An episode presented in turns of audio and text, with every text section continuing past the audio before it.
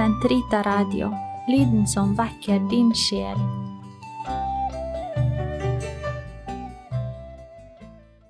Kroppens teologi, en kommentar til pave Johannes Paul 2.s onsdagskatekeser av Eirik Ambrosius Stenhoff.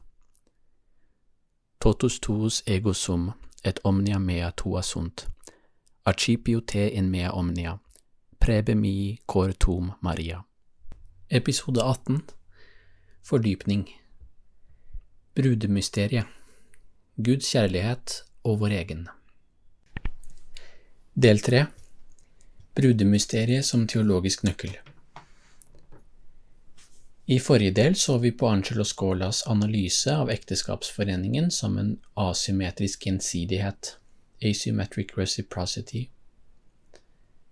Ekteskapet mellom mann og kvinne er konstituert gjennom kjønnsforskjellen, som innebærer en iboende åpenhet for den andre.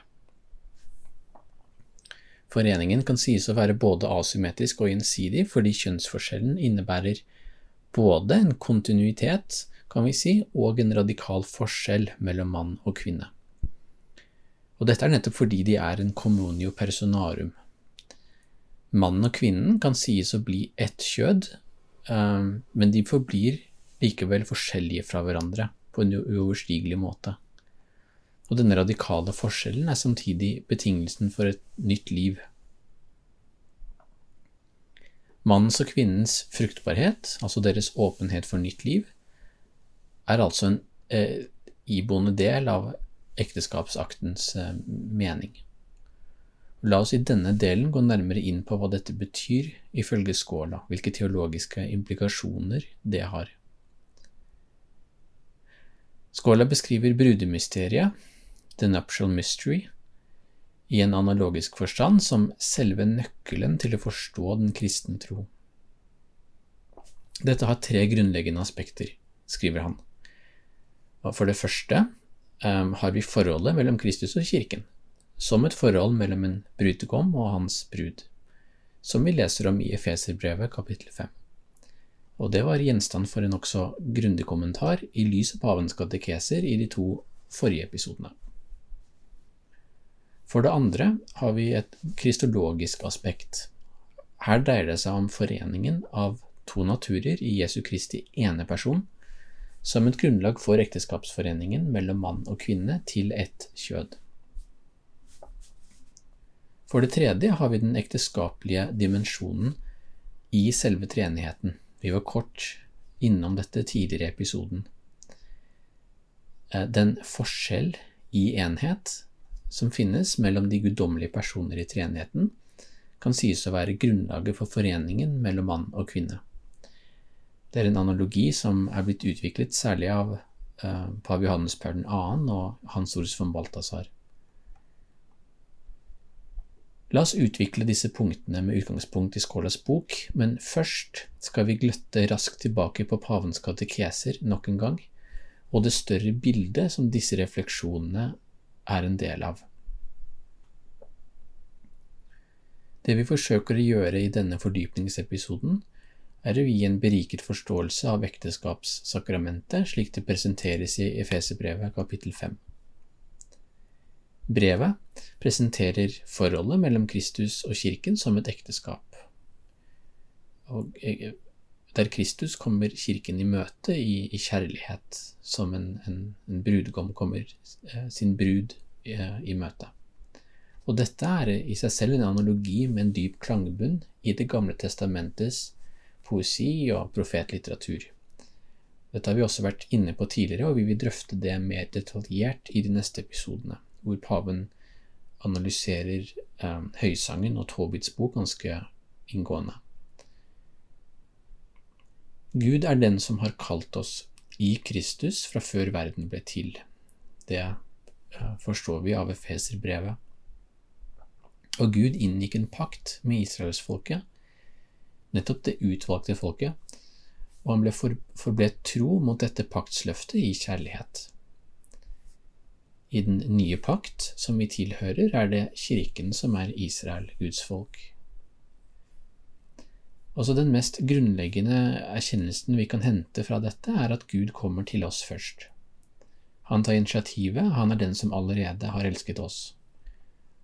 Han har dertil skapt oss ut av intet av ren godhet og kjærlighet, i sitt bilde.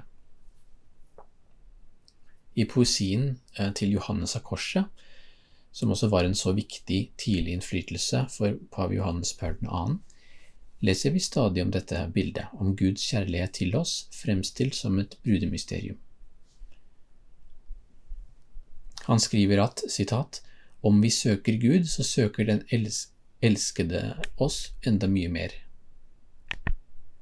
Sitat slutt. Så foreningen med Gud forutsetter denne dynamikken. Han kaller på oss, og vi gir ham svar. I denne forstand kan vi si at brudemysteriet, eller ekteskapsanalogien, er en overordnet kategori for å forstå ikke bare Guds kjærlighet til hver enkelt av oss, og heller ikke til Kirken som de hellige samfunn, men altså Guds skapelse, og dermed hele virkeligheten vi er en del av. Og Det er altså dette Angelo Scola og Johannes Paul 2. faktisk hevder. I de første episodene snakket vi om hvordan mennesket var skapt i begynnelsen som en gave, og erfarte seg selv og verden som en gave. Erfaringene av opprinnelig ensomhet, forening og nakenhet pekte på ulike måter på denne grunnleggende eh, gaveidentiteten. Men i en viktig forstand er Adams opprinnelige ensomhet, altså oppdagelsen av seg selv som en person kalt i fellesskap med andre personer, noe som allerede er en realisering av Guds kjærlighetsfulle skapelse av og kall til oss fra evighet av. Med andre ord, den opprinnelige foreningen, altså den mellom Gud og oss mennesker, er noe som kommer først, og på et vis gjennomstrømmer alle Adams erfaringer. Og her ser vi igjen hvordan Adams urerfaringer har en kristologisk dimensjon. Kristus, eh, som både er den skapende logos og den nye Adam, var allerede virksomt nærværende i begynnelsen. Adam er selv sønn, skapt i Guds bilde, innsatt i uskyld og hellighet, og står i en slags umiddelbar relasjon til Faderen. Og Denne sønneverdigheten er også vår egen, selv etter syndefallet, men den er blitt formørket. Kristi forløsning handler om å reise oss opp igjen til denne verdigheten som vi en gang var skjenket og, og levde i. Men den har også et overskridende perspektiv, nemlig kjødets oppstandelse. Forløsningen oppfylles først i oppstandelsen i den kommende verden, hvor vi skal leve i Guds nærvær, på en måte som vi aldri gjorde selv ikke i begynnelsen. Og i alle de tre teologiske tidsaldrene eh, kan vi snakke om hvordan Kristi brudgomskjærlighet for oss betyr at han stadig kaller på oss inn i brudkammeret til nær forening med ham. Så dette var et bakteppe for det vi nå skal si. Skåla beskriver det første aspektet, foreningen mellom Kristus og kirken, ut fra det begrepet vi så på i forrige del asymmetrisk gjensidighet. Foreningen eh, mellom Kristus og kirken må være en fruktbar forening, for det er selve kjærlighetens vesen. Kjærligheten er ikke, som vi har sett, en slags fullkommen tosomhet, eller en, en forening mellom to lengtende parter som hadde gått tapt for hverandre i begynnelsen. Nei, det er en fruktbar relasjon. Og eh, jeget forblir konstituert for den andre, selv i foreningen med den andre til et kjød, nettopp fordi det er en åpenhet for en tredje der. Og grunnlaget for dette finner vi i kristelig, Kristi åndelig fruktbare forening med Kirken, som fører til tro, nettopp gjennom utgytelsen av Den hellige ånd. Og dette bringer oss til det andre aspektet hos Skåla, nemlig Kristi eh, inkarnerte person i to naturer, en menneskelig natur og en guddommelig. Og igjen, som vi snakket om eh, tidligere her, eh, i episoden, den treenige Gud er riktignok verken mann eller kvinne, men helt transcendent. Bare det skapte er, er, er kjønnet. men nettopp som en gjenspeiling av Guds egen kjærlighet, en imago dei, imago trinitatis. Kristi menneskelige natur, derimot, var en skjønnet natur. Han ble inkarnert som mann. Og Derfor er det sterkt misvisende å antyde at kjønn er noe teologisk irrelevant, slik mange riktignok gjør i dag. Og ikke bare er kjønnsforskjellen en sentral tolkningsnøkkel for forståelsen vår av skapelsen og av eh, mennesket og kirken og sakramentene, men den inkarnerte Gud kan faktisk sies å ha vært mann, ut fra det tradisjonen kaller for communicatio idiomatum, hvorved vi kan si at Gud døde på korset på Golgata, eh, Gud gråt for Lasarus, osv. Eh, nettopp fordi det var en fullkommen enhet mellom Kristi to naturer, så kan vi si disse tingene. Og vi kan også si at Gud var mann. I Kristus eksisterer to naturer i én person. Denne sameksistensen ble av Kalkedon-konsilet beskrevet med fire ord. Naturene er ublandede, uforanderlige, udelte, uatskillelige. Og denne måten å eksistere på er helt unik for Kristus. Intet annet menneske uh, gjør det i historien. Og Skåla skriver at for første gang opptrer den opprinnelige erfaringen av det han kaller tosidig enhet, dual unity, i historien. Den implisitte bakgrunnen for den setningen er naturligvis eh, onsdagskatekesenes beskrivelse av erfaringen av, av, forening mellom mann og kvinne i begynnelsen. Igjen må vi huske på at Kristus er den nye Adam, og tar i så måte hele menneskehetens begynnelse, dens synd og dens skjebne på seg. I kraft av å være sant menneske, skriver Skåla, binder Kristus seg til et bestemt sted og en bestemt tid, til bestemte omgivelser, hvor han blir involvert i livene til visse menn og kvinner. Men som sann Gud er hans liv død oppstandelse her på jorden eh, helt universelle ting, noe som berører alle mennesker til alle tider. Og Her har vi selvfølgelig det kristologiske grunnlaget for kroppens teologi og onsdagskatekesene og egentlig alt sammen. Og Katekesene begynner jo med en drøfting av Jesu ord om ekteskapet i Matteus 19. For dersom Jesu ord bare var rettet til fariseerne i en by i Galilea rundt år 30, slik mange med vår tids såkalte historiske bevissthet ville hevde, så ville det knapt ha vært av interesse for oss. Nei, Jesu ord interesserer oss fordi han med dem åpenbarer Guds vilje for oss. Og han gjør det nettopp som sant menneske og sann Gud. Foreningen mellom de to naturene i Kristi ene person, fortsetter Skåla, er kilden til foreningen mellom Kristus, eh, brudgommen, og kirken, bruden. Dette kan vi igjen knytte tilbake til Efeserbrevet kapittel 5, og hvordan det kaster lys over skapelsesberetningen. Det er en nær sammenheng mellom Kristi inkarnasjon som Gud og menneske, Kristi kjærlighet i kirken og menneskets inkarnasjon, altså skapelse, i begynnelsen som mann og kvinne. De fire adverbene fra Kalkedon-konsilet, skriver Skåla, beskriver ikke bare enheten mellom Kristi to naturer, men også den opprinnelige erfaringen mellom mann og kvinnen av å bli ett kjød. Det overordnede perspektivet her er at Gud har kalt oss fra begynnelsen til å bli sønner og døtre i Sønnen. Vi er skapt som menn og kvinner for å gjøre mulig og, og å utstråle dette kallet til kjærlighet som Gud ga oss, enda før vi ble til. Sønnen ga han oss for at vi igjen, etter fallet fra den opprinnelige uskylden, skulle kunne kalle ham Abba, vår far.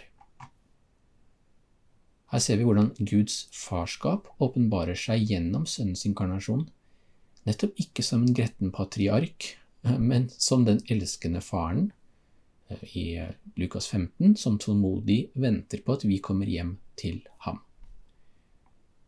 Selv i kirkens tid, eh, etter Kristi døde oppstandelse, gir han oss denne friheten. Formålet med våre liv, skriver Skåla, er at vi kan delta i Guds eget liv som sønner og døtre i Sønnen. Og her er vi også kommet til kjernen i brudemysteriet, som igjen fører oss til det tredje og siste aspektet i Skålas fremstilling. Det er Kristus som viser oss hvem Faderen er, og enda mer hvem treenigheten er. Her kan vi knytte de to avsnittene i Gaudium et spes som er så viktige for Johannes Paul 2., nemlig 22 og 24, sammen. I uh, avsnitt 22 leser vi sitat Menneskets mysterium finner ikke sin sanne belysning annet sted enn i det menneskevordne ords mysterium. Adam, urmennesket, var et forbilde på den som skulle komme, Kristus Herren, og ved å åpenbare hemmelighetene om Faderen og Hans kjærlighet, manifesterer Kristus, den nye Adam, fullt ut mennesket for det selv og viser det dets herlige kall. Sitat slutt. Og så avsnitt 22. Eh, Sitat. Kristus antyder en likhet mellom de guddommelige personers innbyrdes enhet og den enhet som knytter Guds barn sammen i sannhet og kjærlighet. Denne likhet viser at mennesket, den eneste skapning på jorden som Gud har villet for dens egen skyld, ikke fullt ut kan finne seg selv uten oppriktig å gi seg selv til andre. Sitat slutt. Det Kristus har åpenbart for oss, er hvem Gud selv, treenigheten, er og dermed har han også åpenbart oss selv. Treenigheten, skriver Skåla, presenterer en erfaring av kjærlighet i sin mest fullkomne form. Forskjellen mellom de tre guddommelige personene svekker ikke enheten mellom dem, men fullkommengjør den. Derfor er den treenige Gud kilden til enhver forskjell skriver Skåla, også kjønnsforskjellen mellom mann og kvinne. Forskjell er altså ikke et onde, som moderne tenkning ofte vil ha den til. Den er ikke et slags privatsio, et fravær. Forskjell er tvert imot en betingelse for at det som eksisterer, kan realiseres som kjærlighet og gave. Dette knytter oss helt til slutt til Balthazars slående og eh, i tradisjonell sammenheng nokså dristige formulering av ektefellenes intimitet som den nærmeste analogi for Guds egen indre trinitariske kjærlighet. Enheten mellom tre personer, skriver Skåla, må ligge til grunn for enhver ekteskapsanalogi, og i Gud ser vi nettopp den fullkomne realisering av dette, mens det i menneskelige fellesskap ofte fremstår skjult. Vi snakket om at graviditeten tar ni måneder, eksempel. Gud er den gjensidige kjærlighet mellom Faderen og Sønnen som bærer en frukt, Den hellige ånd, som selv er Gud.